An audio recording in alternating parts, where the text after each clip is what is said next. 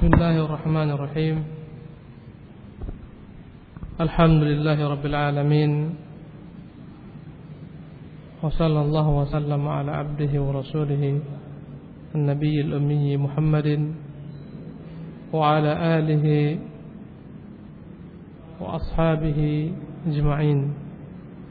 أما بعد فقال المصنف رحمه الله وعن أبي سعيد الخدري رضي الله عنه أن رسول الله صلى الله عليه وسلم قال لا تبيع الذهب بالذهب إلا مثلا بمثل ولا تشف بعضها على بعض ولا تبيع الورق بالورق إلا مثلا بمثل ولا تشف بعضها على بعض ولا تبيع منها غائبا بناجز. muttafaqun alaih. Berkata al-musannif rahimahullah dari Abu Sa'id Al-Khudri radhiyallahu anhu bahwasanya Rasulullah sallallahu alaihi wasallam bersabda janganlah kalian menjual emas dengan emas kecuali sama beratnya. Dan janganlah kalian melebihkan sebagian di atas sebagian lainnya. Dan janganlah kalian menjual perak dengan perak kecuali sama beratnya. Sama timbangannya.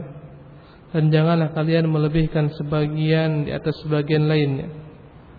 Dan janganlah kalian menjual darinya yang satu membayar di belakang, yang satu membayar kontan.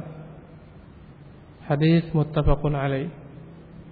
Hadis yang mulia ini ikhwan rahimakumullah berbicara tentang masalah jenis-jenis riba yang berlaku yang kita sebut kemarin riba fadl kemarin kita jelaskan riba dibagi menjadi berapa ada intinya dua, sebagian menyebutkan tiga.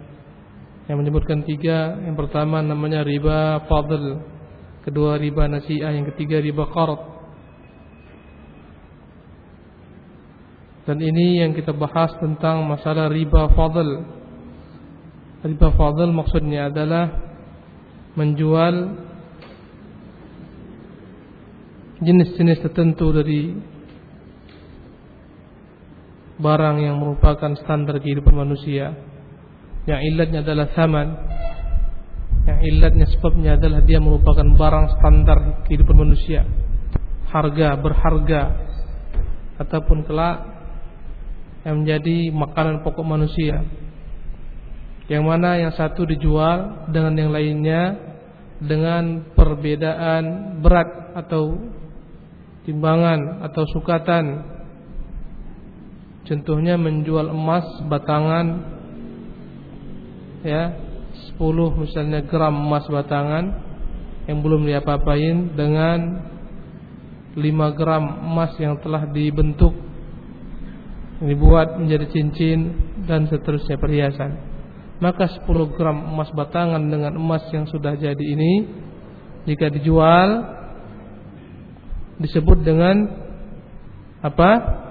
riba fadl. Demikian pula perak dengan perak. Kalau terjadi penjual antara perak dengan perak, maka hendaklah harus sama beratnya. Timbangannya harus sama. Jangan sampai sekilo perak dijual dengan setengah kilo perak yang telah dibentuk menjadi perhiasan contohnya. Demikian itu dalam hal dalam kedua perkara ini ya jika terjadi penjualan yang berbeda maka terjadilah riba yang disebut riba fadl. Adapun kedua jenis benda ini disebutkan oleh para ulama sebagai taman sebagai barang alat tukar menjadi alat tukar ya yang memiliki nilai berharga dikiaskan para ulama lah kelak uang sekarang ini pun kepada kedua benda ini Karena uang menjadi sesuatu yang berharga, memiliki nilai. Uang itu memiliki nilai yang kita dapat bertransaksi dengannya. Maka dalam uang sendiri pun tetap dapat terjadi riba fadal. Enggak boleh antum tukarkan misalnya uang seribu rupiah dalam bentuk kertas dengan sembilan ratus rupiah dalam bentuk koin. Sebagian orang mungkin dahulu kala belum ada handphone, orang telepon pakai telepon yang diberikan fasilitas pemerintah di jalan-jalan, yang dia tidak menerima kecuali koin, ya, yang mana sebagian orang dahulu kalau mau telepon dia tukarkan uangnya ke kantor pos atau apa namanya, atau tempat penukaran uang seribu rupiah ditukarkan dengan seribu tapi dalam bentuk pecahan seratus rupiah sepuluh biji. Tapi karena dia ngantri, karena ramai, adalah orang-orang yang jual mungkin. Ya. Calo-calo jual. Seribu rupiah ditukar dengan 900 rupiah. Ini terjadi padanya riba fadl. Dilarang. Seribu rupiah harus dengan seribu juga. Nggak boleh seribu dengan 900 Sebagaimana dia berlaku pada emas, perak ataupun uang karena mereka adalah merupakan karena hal ini merupakan yakni standar kehidupan, merupakan sesuatu yang memiliki harga dan nilai, ya. Maka terjadi padanya riba. Adapun nanti akan dijelaskan tambahan lainnya. Ada jenis makanan-makanan tertentu yang nanti kita bahas. Yang jelas dalam hadis ini hanya menerangkan tentang adanya riba fadl pada emas dan perak. Kata Rasulullah, "Wala tushiffu ba'daha 'ala ba'din." Janganlah kalian dalam menjualnya melebihkan sebagian daripada sebagian lainnya. Ya,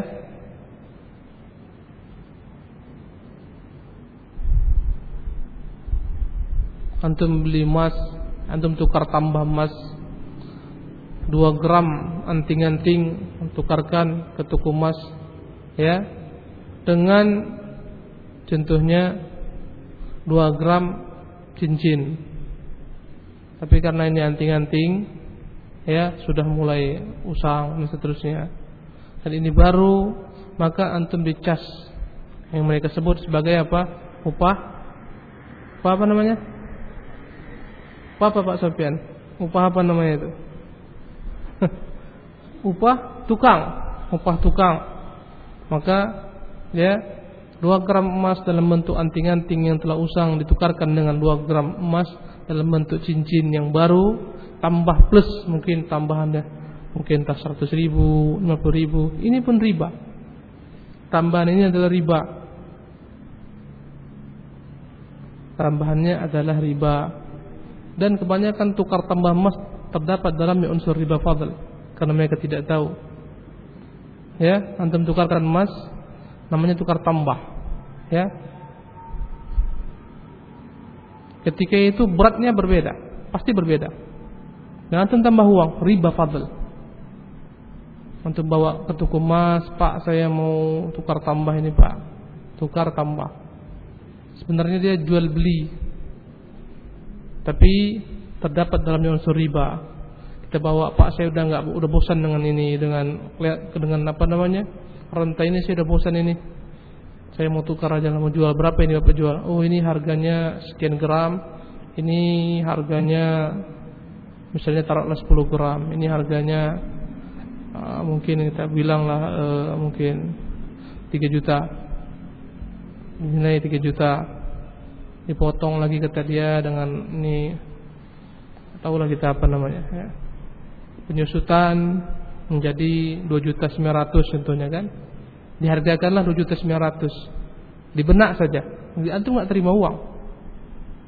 Kemudian ah sekarang pilih yang mana? Saya pilih ini pak. Ini. Saya pilih gelang ini 15 berapa? 15 gram. Tadi berapa? 10 ya kan 10 dengan 15 berbeda enggak? Berbeda. Untuk menutupnya ditambah uang. Oh ini harus tambah sekian. Nggak boleh. Jual beli emas harus sama beratnya. Ya kan? Itu terjadi. Saya nggak tahu kayaknya di seluruh toko emas kecuali yang Allah rahmati saja yang tahu. Terjadi padanya riba. Ya.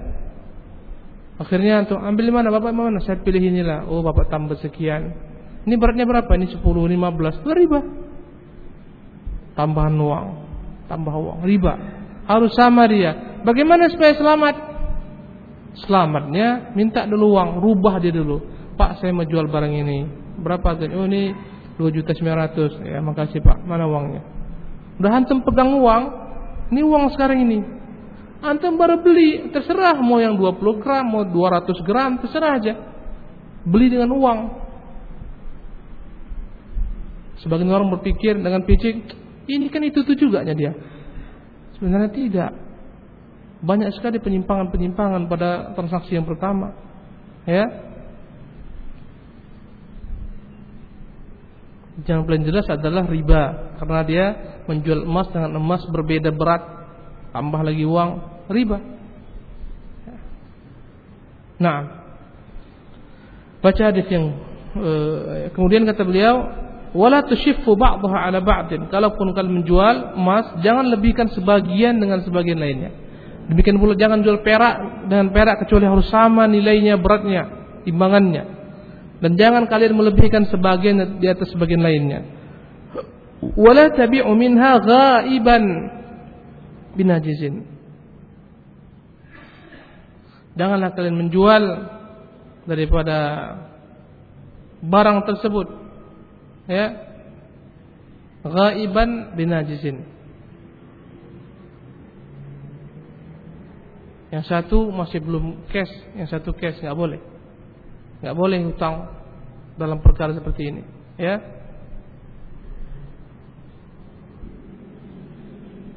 Antum beli emas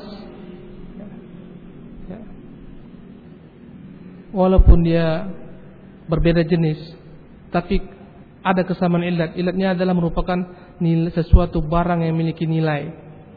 Ya, nggak boleh atau muntang. Harus cash dengan cash. Ya, jangan Pak saya beli 10 gram emas tapi utang dulu bulan depan saya bayar nggak boleh. Harus takabut. Cash dengan cash. Najizan binajizin. Atau antum tukarkan emas dengan perak, boleh nggak? Boleh. Boleh berbeda? Boleh. Kalaulah dia dua jenis yang berbeda, boleh yang satu lebih berat daripada yang lain. Tapi kalau satu jenis yang sama, sama-sama emas, maka nggak boleh beratnya berbeda dan yang kedua, ya dia harus ditukar wajahan wajahin cash dengan cash. Nggak boleh yang satu emasnya ini saya berikan emas, ya kan? Yang satu lagi ditunda bulan depan, nggak boleh. Jadi ini dia ingatnya. Jadi jika dia satu jenis, maka harus sama beratnya, sama nilainya. Yang kedua, harus dia transaksinya terjadi cash dengan cash di depan. Enggak boleh satu cash yang lain tunda. Kalau anda kata dia dua jenis, emas sama perak contohnya. Tadi emas dengan emas namanya berapa? Namanya satu jenis. Kalau emas dengan perak, maka dibolehkan dia tafadul, dibolehkan satu lebih banyak daripada yang lainnya. Ya misalnya sekilo perak dengan satu gram emas, boleh nggak? Boleh, tapi dengan syarat harus juga takabut, harus sama-sama cash dengan cash. Najizan bin najis, bayar kontan. Ini satu kilo peraknya, ini satu gram emasnya, boleh. Ya, tapi kok sama jenisnya, nggak harus ada dua syaratnya. Apa tadi yang pertama?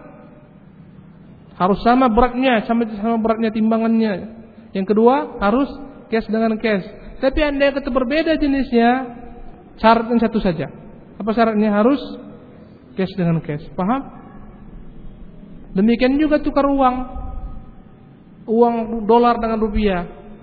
Ini jenis yang berbeda. Walaupun sama-sama uang jenisnya berbeda. Ini dolar di rupiah. Maka dibolehkan tukar menukar ini dengan syarat cash dengan cash. Ya, antum tukar 100 dolar dengan contohnya 900 ribu rupiah ini kan beda, ini 100, ini 900. Beda kan? Tapi karena dia jenis yang berbeda dibolehkan. Tapi harus ada syaratnya apa? cash dengan cash. Nggak boleh antum beli dolar 100 dolar dibayar bulan depan nggak boleh. Subhanallah. Sama antum nggak boleh beli emas dibayar bulan depan nggak boleh. Harus cash di depan sama depan. Emasnya ada, uangnya ada. Kalau utang lain utang. Pak, saya utang emas dulu, Pak. Utang harus dibayar utang, ya. Emas dengan emas. Ini kan enggak rupiah, bulan depan rupiah, yang diambil emas. Paham? Ya, kalau antum bilang Pak utang kan aja saya emasnya yang 10 gram itu, ah silakan ambil. Kapan dibayar? Bulan depan. Kata. Bulan depan bayar lagi. Nah Pak 10 gram emas. Saya balikkan. Boleh? Boleh. Ini enggak. Antum mau beli emas Uangnya nggak ada. Bulan depan baru antum bayar. Emasnya sekarang antum terima, boleh nggak? Nggak boleh, karena ini apa? Dua jenis yang berbeda, tapi dia satu satu ilah, satu sebab. Apa sebabnya? Semuanya merupakan barang yang menjadi transaksi yang memiliki nilai dan harga, maka harus apa? Satu syaratnya apa? Cash dengan cash. Takabut namanya apa? Takabut. Qabdan biqabdin, yadan biyadin, wajhan biwajhin langsung face to face nih ini barang. Ya jangan nanti bilang berarti kalau kita berarti kita nggak boleh utang emas. Boleh tapi harus dibayar dengan emas. Antum ambil barang nih emas. Bulan depan antum bayar emas. Kalau antum mau beli emas uang nggak ada bulan depan baru antum apa namanya bayar nggak boleh. Riba dia kena riba di sana. Ya kena langsung dua-duanya riba fadl dan riba nasiah di situ. Dibayar tunda dua-dua kena. Kena riba fadl dan kena riba nasiah. Baik. Lanjutkan. Hadis yang kedua. وقال مصنف رحمه الله تعالى وعن عبادة ابن صامت رضي الله عنه قال قال رسول الله صلى الله عليه وسلم الذهب بالذهب والفضة بالفضة والبر بالبر والشعير بالشعير والتمر بالتمر والملح بالملح مثلا بمثل سواء بسواء يدا بيد فإذا اختلفت هذه الأصناف فبيعوا كيف شئتم إذا كان يدا بيد رواه مسلم وعن عبادة بن الصامت رضي الله عنه قال قال رسول الله صلى الله عليه وسلم الذهب بالذهب والفضة بالفضة والبر بالبر والشعير بالشعير والتمر بالتمر والملح بالملح مثلا بمثل سواء بسواء يدا بيد. فإذا اختلفت هذه الأصناف فبيعوا كيف شئتم إذا كان يدا بيد رواه مسلم. ini Hadis ini akan menjelaskan tentang perkara-perkara lain yang terjadi padanya riba. Dari Ubadah bin Samit, semoga Allah meridhoinya, beliau berkata, telah bersabda Rasulullah SAW, emas jika dijual dengan emas ataupun perak dengan perak ataupun gandum dengan gandum ataupun gandum merah dengan gandum yang merah ataupun kurma dengan kurma, garam dengan garam harus mislan bimislin harus sama beratnya. Jika ditimbang harus sama timbangannya. Jika disukat harus sama sukatannya. Sawaan bisawa. Ya. Harus sama. Mislan bimislin sepertinya. Dalam hal timbangannya. Dalam hal sukatannya. Sawaan bisawa sama. Ya beratnya sama. Sukatannya sama. Yadan biyadin makna biadin dibayarkan dengan tangan langsung dan diterima dengan tangan langsung. Maksudnya adalah cash dengan cash. Fa idza ikhtalafat hadhihi al-asnaf jika berbeda-beda jenis-jenis ini contohnya gandum dengan kurma atau garam garam dengan gandum atau apalagi eh, emas dengan perak dan seterusnya, maka juallah idza kana dan selama itu penjualan terjadi ya antara keduanya dengan bentuk cash dengan cash. Rawahu Muslim. Ya. Baik, saya tanya antum ini. Kalau anda kata emas dengan gandum, boleh nggak dia berbeda beratnya? Satu gram emas dengan misalnya setengah ton gandum, boleh nggak? Bolehkah dia itu dibayar nanti gandum bulan depan? Boleh atau enggak? Siapa yang bilang nggak boleh dan siapa yang bilang boleh? Nanti mau beli emas ini, tapi nggak punya uang. Nanti punya gandum.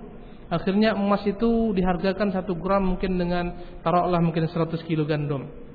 Yang mana gandum ini antum bayar bulan depan. Boleh enggak? Sepakat? Sepakat semua enggak boleh? Ada yang bilang boleh yang ke tangan? Sudah? Sepakat?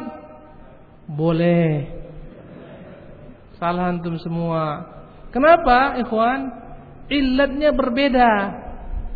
Emas perak ada kesamaannya dari salapa. Kedua-duanya merupakan yakni benda yang bernilai dan merupakan alat tukar. Ini kesamaannya. Adapun makanan ini jenisnya makanan dan ini jenisnya yakni alat tukar, makanan pokok. Ini berbeda semuanya. Ya. Berbeda semuanya. Maka maka dibolehkan. Ya. Mobil jangan emas boleh enggak? Misalnya antum mau mobil ya, mobil apa namanya gitu kan? Ditukar dengan emas misalnya 100 gram emas, boleh enggak? Mobilnya dibayar, mobilnya diserahkan bulan depan, emasnya dahulukan boleh? Boleh enggak? Hah? Iya antum ini 100 gram emas. Antum mau mobil. Ya kan? Tapi antum punyanya emas. Akhirnya antum tukarkan emas tersebut 100 gram. Tapi mobilnya nanti bulan depan baru dibayar, baru dikasihkan. Misalnya dia masih dipesan dulu, nanti bulan depan baru turun. Boleh nggak? Hah? Kenapa boleh? Hah? Ini berbeda dari semua dari semua sisi, ya. Dari semua sisi berbeda. Kalau yang tadi kita katakan harus cash dengan cash jika dia dua jenis. Tapi ada kesamaan ilatnya sebabnya apa sebab kalau anda kata yang pertama tadi adalah samaniyah artinya dia merupakan e, emas perak ilatnya sebabnya dia terjadi peneriba karena ilat yang namanya samaniyah atau dia sesuatu yang berharga merupakan eh, apa namanya alat transaksi. Ini sebabnya antara keduanya. Adapun ini gandum dengan apa namanya gandum dengan kurma, garam dengan gandum. Apa ilatnya yang menyamakannya? Kata para ulama, sebabnya terjadi peneriba karena unsur dalamnya ada unsur makanan yang dapat disukat makil atau yang dapat ditimbang mauzun. Jadi tiga kata mereka ilatnya. Makanan, ya bisa disukat atau bisa ditimbang. Ini ilat yang menyamakan antara jenis-jenis ini. Semuanya makanan pokok. Ya kan? Berbeda-beda jenisnya. Kalau anda kata makanan pokok dengan emas perak, nggak ada masalah. Atau makanan pokok dengan uang, Pak, saya ini eh, mau ini Pak, saya mau beli saya mau uang tapi saya hanya punya ini ya, saya mau jual ini. Mau jual gandum 10 ton gandum ini. Harganya 10 juta contohnya kan. Ini barangnya. Oh iya, tapi saya nggak punya uang sekarang. Bulan depan baru turun. Boleh nggak? Hah? Kenapa boleh? Ini beda ilat, ilatnya beda udah. Ya, yang ini ilatnya merupakan apa makanan pokok, yang satu lagi ilatnya merupakan samani atau nilai yang memiliki nilai menjadi alat transaksi. Berbeda. Kalau berbeda ilatnya boleh aja. Ya. Satu baju dengan dua baju. Antum punya baju gamis Arab dari Saudi contohnya. Ya, ingin ditukarkan dengan tiga koko dari negeri antum boleh enggak tiga dengan satu? Boleh enggak? Ayolah. Hah? Yang bilang nggak boleh angkat tangan. Yang bilang boleh angkat tangan. Kenapa boleh? Hah? Karena kuatlah dikit antum. Kak kasih mikrofon dulu biar dengar dulu orang sedunia. Karena bukan jenis barang-barang yang riba. Ahsan, boleh. Karena dia tidak termasuk ke dalam jenis barang-barang yang terjadi pada riba. Dan nanti akan kita bahas ya persisian para ulama apa saja barang-barang yang terjadi padanya riba. Mazhabnya Zahiri mengatakan cuma barang-barang ini aja lah yang disebutkan, nggak ada kias dengan mereka. Ini aja yang nggak boleh garam dan garam. Kalau ini kata beras dan beras boleh karena nggak masuk di sini. Jagung sama jagung boleh. Itu kata mazhab Zahiri. Kalau jumhur mengatakan ah, ini semua adalah merupakan benda-benda sebagai standar dan dapat dikiaskan dengan yang sama padanya. Seperti jagung, terdapat padanya unsur dapat ditimbang, dapat disukat, dan dia makanan. Terjadi padanya riba. Maka nggak boleh tukar jagung satu ton dengan dua ton. Yang satu jagungnya misalnya bagus dengan yang tidak bagus nggak boleh. Ya, maka ilatnya emas perak tadi ilatnya apa? Tamania merupakan alat tukar yang bernilai. Adapun gandum, garam, apalagi tadi kurma, kita tadi yaitu semuanya itu ilatnya adalah ta'amu makanan. Kemudian makil dapat disukat mauzun dapat ditimbang. Disukat antum sukat enggak? Sukatan misalnya di, satu gantang itu namanya sukat. Kalau kilo itu timbang per kilo bahasa Arabnya yang disukat itu namanya makil. Kilo itu dari bahasa Arab kil. Tapi sebenarnya berbeda dia. Sebenarnya yang namanya makil itu yang disukat kalau yang ditimbang itu namanya muzun. Dalam bahasa Arabnya. Jadi yang namanya baju dan lain-lainnya silahkan mobil. Dia bukan barang yang dalamnya ada ilat riba. Nggak ada. Apa ilat riba? Inilah dia. Makanan yang dapat disuka dan ditimbang serta nakdiyah atau thamaniyah barang yang merupakan standar kehidupan alat tukar. Ini saja. Masuklah kepada semua jenis mata uang. Ya? Dan semua emas dan perak. Bagaimana andai kata permata dengan mutiara? Bolehkah tukar mutiara yang misalnya dia didapat baru didapatkan dengan mutiara yang sudah cantik sudah di sudah dibuat bagus dengan berbeda berat boleh nggak mutiara ayolah jawab tolonglah boleh nggak Hah? Kenapa nggak boleh? Karena sejenis. Baju satu dengan baju dua sejenis juga. Mobil satu dengan mobil dua sejenis juga. Boleh nggak? Nggak boleh juga. Eh, berarti antum belum paham kali nih. Berarti kita ulangi lagi. yang terjadi, yang dilarang padanya riba atau benda-benda ini golong ke dalam riba fadl adalah benda-benda yang disebutkan Rasulullah SAW ini ya emas, perak, kemudian di sini disebutkan lagi apa? gandum, kurma, garam, ya. Ini yang disebutkan dalam nas terjadi padanya riba fadl nggak boleh dijual kecuali harus sama dan tangan dengan tangan, cash dengan cash. Dan jumhur ulama mengatakan Jumhur ulama kebanyakan mengatakan bukan hanya ini saja, tetapi semua yang dapat dianalogikan kepada benda-benda ini yang memiliki kesamaan. Kesamaan pada makanan ini adalah makanan bisa disukat dan bisa ditimbang. Kesamaan pada benda-benda emas perak adalah merupakan alat tukar yang bernilai. Dialah merupakan nilai dengannya apa namanya terjadi transaksi. Ini ilatnya dan ini ilatnya. Adapun di luar ini mobil sama mobil mobil combat lima, mobil baru satu, boleh nggak? Boleh aja, karena nggak ada padanya ilat riba. Ya, dia bukan merupakan benda yang namanya istilahnya alat tukar enggak, enggak alat tukar mobil, ya, atau baju, baju bukan alat tukar bukan makanan, bukan makanan pokok yang dapat disuka dan ditimbang.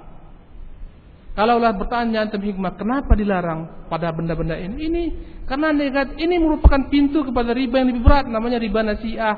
Maka dilarang, harus toleransi kita harus sama. Antum pinjam beras sekilo bayar sekilo. Jangan pinjam beras sekilo bayar dua kilo. Ya, pinjam satu gram bayar satu gram. Jangan satu gram pinjam antum balikkan dua balikkan dua gram. Ini terjadilah padanya riba fadl. Ini Allah memudahkan kita untuk toleransi satu sama lain dalam perkara-perkara seperti ini. Ini kan makan pokok biasa kan paman tetangga pinjam kita, pinjam garam, pinjam beras, bayar sama. Bagaimana kok dilebihkan Ustaz? Kalau dilebihkan tanpa ada kesepakatan di awal, ya, dan bukan menjadi kebiasaan, tak apa-apa. Ya, antum melebihkan sedikit. Eh, kok lebih nih? Atau antum misalnya beli apa namanya pinjam apa namanya misalnya antum pinjam kambing untuk dikurbankan. Antum ganti dengan kambing lebih baik. Boleh. Selama memang itu yakni tidak ada sama sekali kesepakatan di awal. Jadi ikhwan rahimakumullah kembali kepada bab riba ini ya. Dalam hadis ini Rasul terangkan yang dilarang apa? Emas dengan emas perak dengan perak kemudian dikatakan Nabi di sini gandum dengan gandum ada gandum biasa ada gandum merah kemudian kurma dan kurma, garam dengan garam harus sama, mislan bimitlin. Ya. Sama, ya sawaan bisawa. Ya, harus sama beratnya, sama timbangannya jika ditimbang. Ya. Biadan biadin harus dengan kes satu sama lainnya. Fa idza ikhtalafat hadhil asnaf jika berbeda-beda jenis ini, jenis ini semua yang dalam ini saja antara makanan pokok dengan samaniyah dengan nilai dan alat tukar maka juallah dia selama ya dan biadin selama dia cash dengan cash di luar ini atau ini dengan di luar ini emas dengan contohnya emas dengan gandum silakan emas dengan beras boleh-boleh saja atau beras dengan mobil boleh nggak tukar beras, dengan mobil boleh aja satu ton beras digantikan dengan mobil contohnya mobil tipe sekian, nomor sekian, ya tahun sekian. Boleh nggak? Boleh. Kenapa? Berbeda. Dia dalamnya nggak terjadi unsur riba, nggak ada ilat yang menyamakan. Ya, kita ulangi lagi. Jika dia sama-sama jenis satu jenis, satu jenis, emas sama emas contohnya, perak sama perak, kurma sama kurma, harus ada dua syarat. Baru nggak terjadi riba. Apa syarat pertama? Berat, ya. Yang kedua, cash. Anda yang kata jenis-jenis ini berbeda, ya jenis-jenis yang sama sekali adalah jenis yang terjadi pada riba berbeda antara emas dengan perak, ya. Maka dia harus syaratnya apa? Cash, walaupun boleh berlebih. Anda yang kata berbeda, yakni ilatnya berbeda. Ini makanan, ini nilai, emas dengan maka dengan dengan gandum apa syaratnya? Apa syaratnya? Emas dengan gandum nggak ada syarat. Silakan suka hati. Mau satu case yang satu enggak, ini mau sama timbangannya mau enggak bebas. Kenapa? Perbedaan ilat. Ya. Yang satu dia jenis ya, walaupun dia merupakan barang-barang terjadi pada riba, tapi beda apanya? Ilatnya. Sebabnya dia menjadi apa riba berbeda. Paham kira-kira nggak antum? Paham? Paham Amri? Antum mau jual emas sendirian? Baik, baca di yang ketiga. وقال مصنف رحمه الله تعالى وعن أبي هريرة رضي الله عنه قال قال رسول الله صلى الله عليه وسلم الذهب بالذهب وزنا بوزن مثلا بمثل والفضة بالفضة وزنا بوزن مثلا بمثل فمن زاد أو استزاد فهو ربا. رواه مسلم. وعن أبي هريرة رضي الله عنه قال قال رسول الله صلى الله عليه وسلم الذهب بالذهب وزنا بوزن مثلا بمثل والفضة بالفضة وزنا بوزن مثل بمثل فمن زاد أو استزاد فهو riba رواه مسلم dari Abu Hurairah radhiyallahu anhu dia berkata bersabda Rasulullah sallallahu alaihi wasallam emas dengan emas harus sama timbangannya, harus sama beratnya.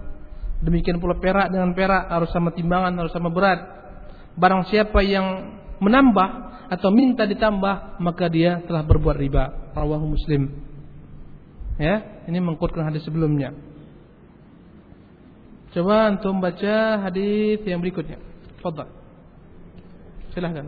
Qala musannif rahimahullahu taala wa an Abi Sa'id al-Khudri radhiyallahu wa Abi رضي الله عنهما أن رسول الله صلى الله عليه وسلم استعمل رجلا على خيبر فجاءه بتمر جنيب فقال رسول الله صلى الله عليه وسلم أكل تمر خيبر هكذا؟ فقال لا والله يا رسول الله إنا لنأخذ الصاع من هذا بالصاعين. بالصاعين. بالصاعين والثلاثة. فقال رسول الله صلى الله عليه وسلم لا تفعل بالجمع بالدراهم ثم ثم ثم ابتع بالدراهم جنيبا. وقال في الميزان مثل ذلك. متفق عليه. ولمسلم وكذلك الميزان. نعم. وعن أبي سعيد الخدري وأبي هريرة رضي الله عنهما أن رسول الله صلى الله عليه وسلم استعمل رجلا على خيبر فجاءه بتمر جنيب فقال رسول الله صلى الله عليه وسلم أكل تمر خيبر هكذا؟ فقال لا والله يا رسول الله. إنا لنأخذ الصاع من هذا بالصاعين والثلاثة فقال رسول الله صلى الله عليه وسلم لا تفعل بيع الجمع بالدراهم ثم ابتع بالدراهم جنيبا. وقال في الميزان مثل ذلك متفق عليه ولمسلم وكذلك الميزان. Dari Abu Sa'id Al-Khudri dan dari Abu Hurairah radhiyallahu anhuma semoga Allah meridhai keduanya bahwasanya Rasulullah sallallahu alaihi wasallam pernah yakni mempekerjakan salah seorang daripada kaum muslimin sebagai pengawas di Khaybar.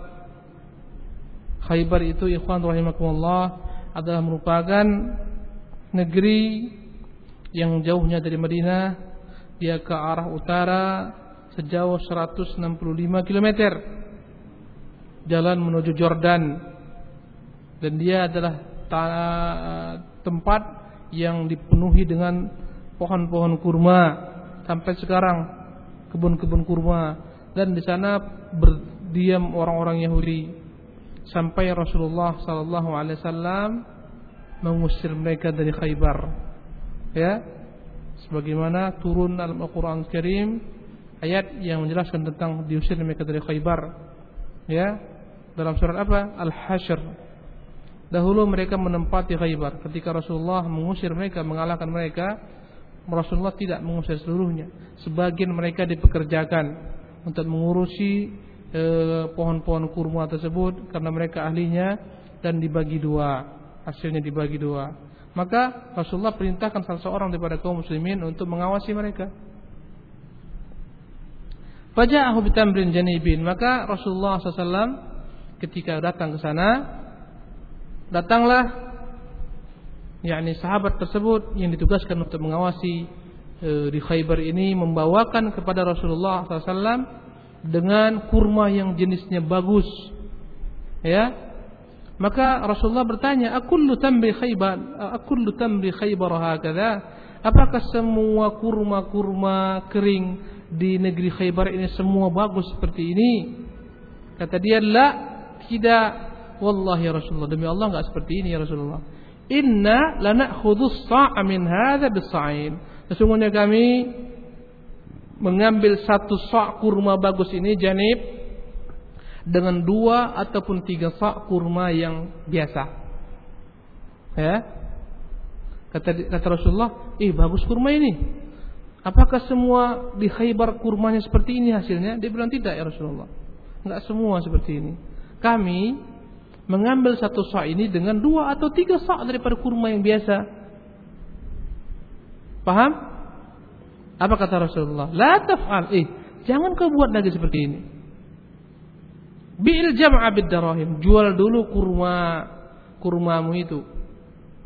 Jual dulu yang dua atau tiga sok itu jual dengan dirham.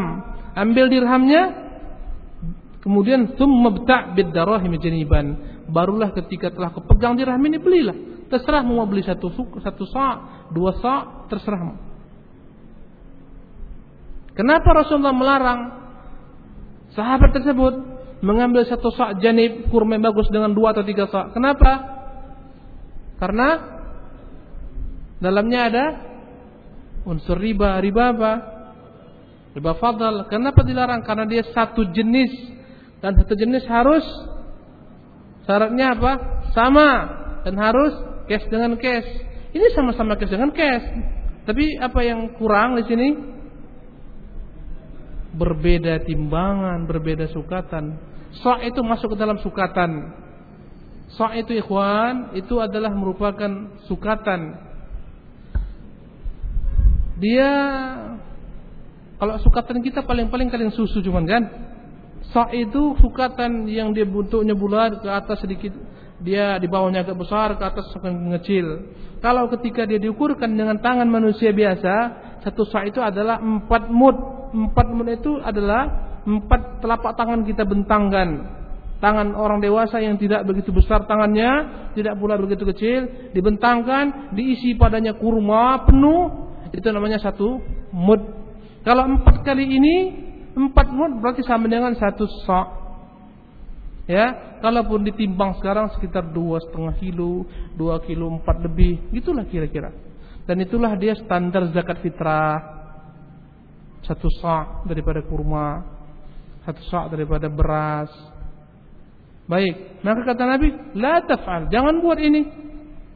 Kamu jual dulu al-jam'ah, kurma-kurmamu itu yang tiga sak itu yang dua sak dengan dirham. Setelah itu kau ambillah kurma janib yang bagus itu dengan dirham terserah. Sama dengan emas. Jangan dulu kamu jual emas itu dengan emas yang lain berbeda. Ambil dulu uang hasil penjualan emasmu itu. Setelah kau pegang uang, terserah kamu beli sekilo, dua kilo, terserah silakan. Paham? Bisa anda praktekkan kalau beli emas?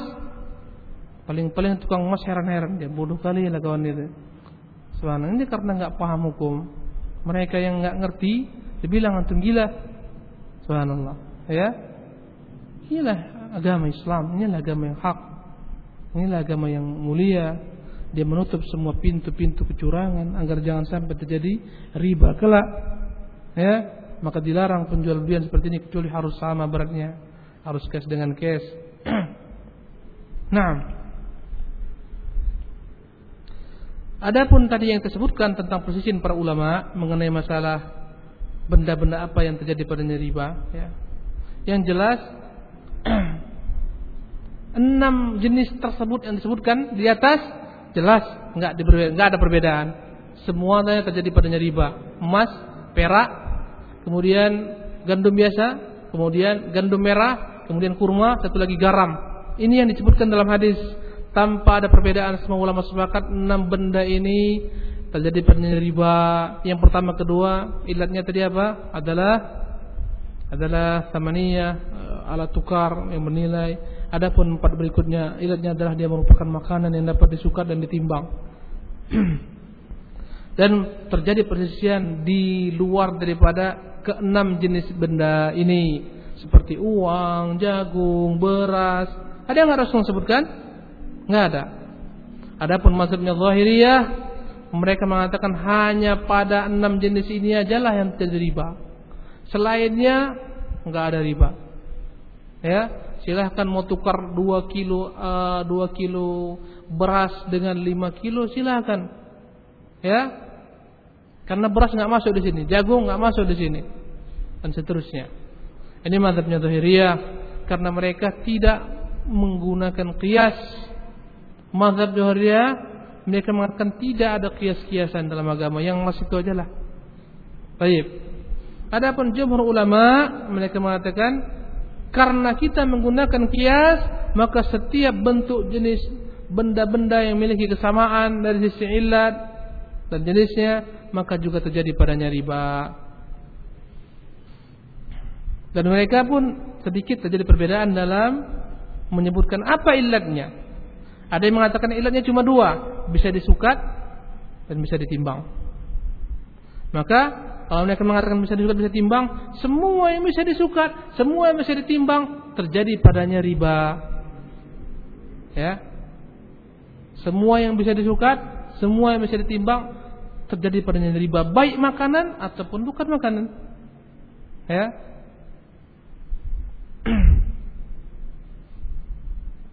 Apalah kira-kira yang bukan makanan yang bisa disukat? Apa? Bukan makanan. Hah? Apa kira-kira bisa disukat, bisa ditimbang? Yang bukan makanan. Pikirkan dulu. Hah?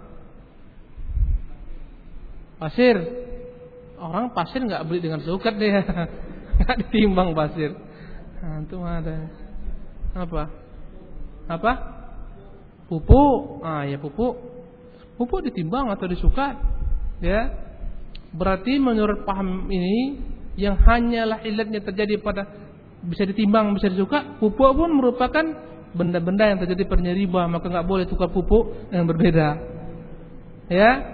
Kemudian sebagian mengatakan tidak. Ada harus yang ketiga, bisa disukat, bisa ditimbang dan makanan. Ya, tu'am, makanan ini bukan sembarang makanan, makanan pokok. Bahan baku manusia, makan makan manusia. Ya, maka mereka mengatakan setiap yang bisa disukat bisa ditimbang dan dia merupakan makanan pokok, maka terjadi padanya riba. Kan ini kebutuhan mendesak. Kalau pupuk nggak peduli, nggak penting-penting kali, tapi yang namanya garam, yang namanya beras, ini kebutuhan mendesak, kebutuhan primer kita ini. Ya. Kalau ikan gimana? Kan makanan juga.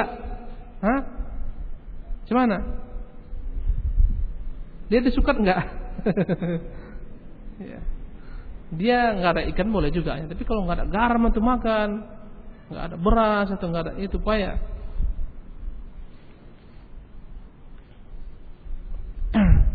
Kecuali dia mungkin menjadi makan pokok suatu negeri, kemudian ikan tersebut pun dibuat mungkin dipres dalam bentuk timbangan-timbangan ataupun disukat. Nggak tahu kita kan boleh jadi entah di negeri mana.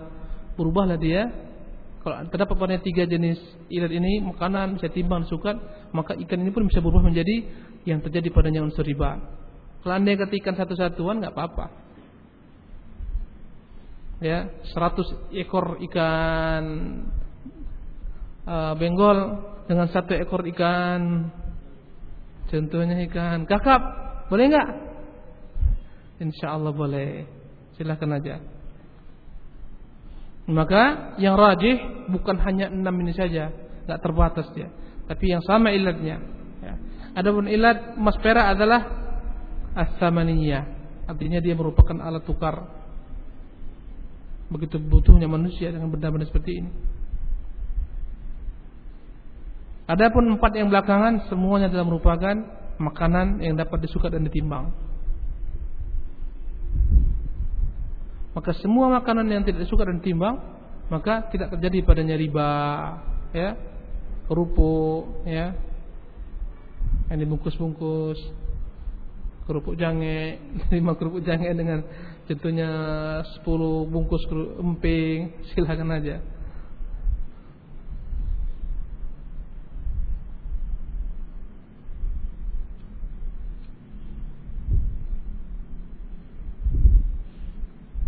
dari Ma'mar bin Abdullah dia mengatakan Nabi melarang menjual beli makanan kecuali harus sama. Maksud makanan sini adalah karena pokok. Karena kata-kata to'am jika disebutkan dia akan segera diitlakkan kepada makanan pokok. To'am namanya itu.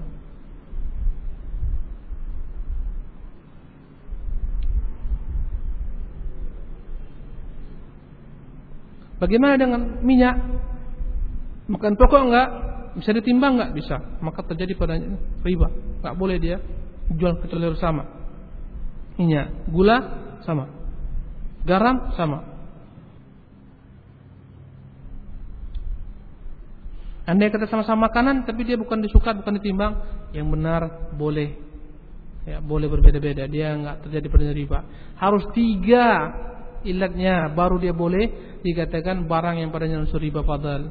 Disukat, ditimbang dan makanan itu jenisnya. Kalau hanya disukat aja bukan timbangan seperti dari pupuk dan seterusnya maka dia tidak terjadi padanya riba. Bukan makanan hanya dapat disukat saja atau ditimbang saja. Bukan makanan tidak terjadi padanya riba.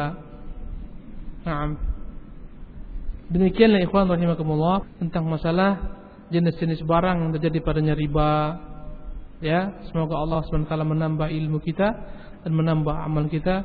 Aqulu qawli hadza wa astaghfirullah li wa lakum wa atubu ilaihi wa sallallahu wa sallam ala nabiyyina Muhammadin wa akhir da'wana alhamdulillahi rabbil alamin. Ada yang bertanya? Fadhal.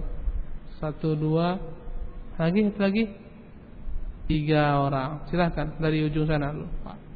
Pak Teguh dulu uh, dalam satu masa uh, seseorang mau pergi ke negeri lain, misalnya ke Singapura, dia menukar uang dulu dengan uh, satu jumlah. Kemudian selama di Singapura uang itu tidak dipakai karena mungkin ditanggung oleh saudaranya atau hmm. mungkin satu uh, lembaga. Yeah. Kemudian setelah balik lagi itu yeah. nilainya sudah berbeda, baik itu menjadi bertambah ataupun berkurang. Itu bagaimana yeah. Ustaz? Iya nggak ada masalah. Yang namanya emas, yang namanya uang itu nilainya bertambah atau berkurang sesuai dengan harga pasar di dunia. Antum beli e, mungkin antum beli dolar misalnya harga 6.700, boleh jadi antum besok balik lagi ya ingin beli serupa boleh jadi telah menjadi murah dia 6.500 atau boleh jadi bertambah jadi 7.000 perak. Itu hal yang biasa. Ketika antum pulang kembali, antum tukarkan kembali ke money changer yang sama dengan nilai yang berbeda dari sebelumnya, biasa. Nggak ada masalah di sana. Selama memang itu kan berbeda apa? Berbeda jenis, rupiah dengan dolar, rupiah dengan dengan dengan dengan apa? Dengan ringgit, silakan aja. Dia bertambah atau berkurang nggak ada masalah, nggak ada padanya unsur riba, ya. Dengan syarat tapi ada syaratnya apa tadi? Harus cash dengan cash. Itu aja syaratnya. Allah taala alam. Silakan antum, Pak Abdullah. Tukar mikrofon dua dengan satu boleh enggak?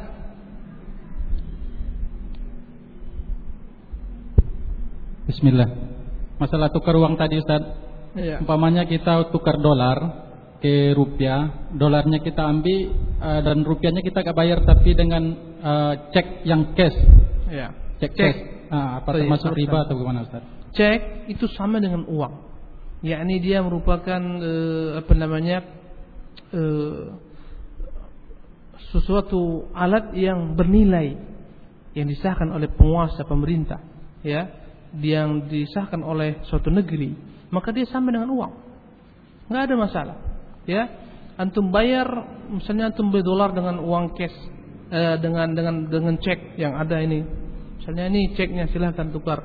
Boleh nggak? Boleh. Nggak ada masalah Cek itu pengganti uang, maka dibolehkan, nggak ada masalah padanya. Ya kan Pak? Itu aja kan? Nah. Ya silakan yang lain. Sampingnya.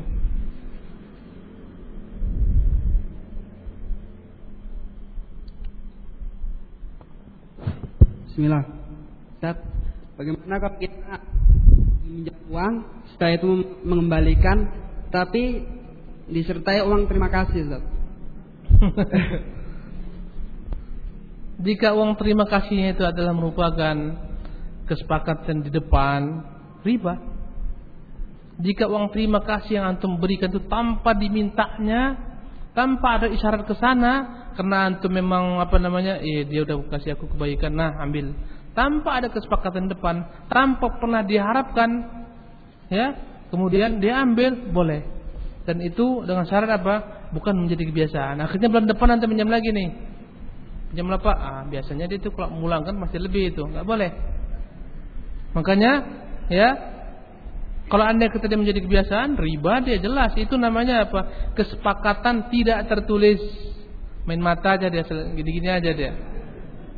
Ya, kalau anda kata nggak ada kesepakatan baik dalam bentuk perkataan ataupun dalam bentuk kesepakatan tidak tertulis nggak ada, boleh antum lebihkan dan jangan dibiasakan Sekali itu aja kasih mandi gitu. Jangan akhirnya minggu depan pinjam lagi lah Pak. Oke. Dia pun senang hati. Boleh tambah aja kalau ambil enggak apa. Pas antum pulang kan pas. Enggak ada berlebih. Giginya gini-gini. Nah, bagus. Bulan depan jangan pinjam lagi ya. Jangan dibiasakan. Jangan dibiasakan. Allah taala. Nah, demikian. Assalamualaikum warahmatullahi wabarakatuh.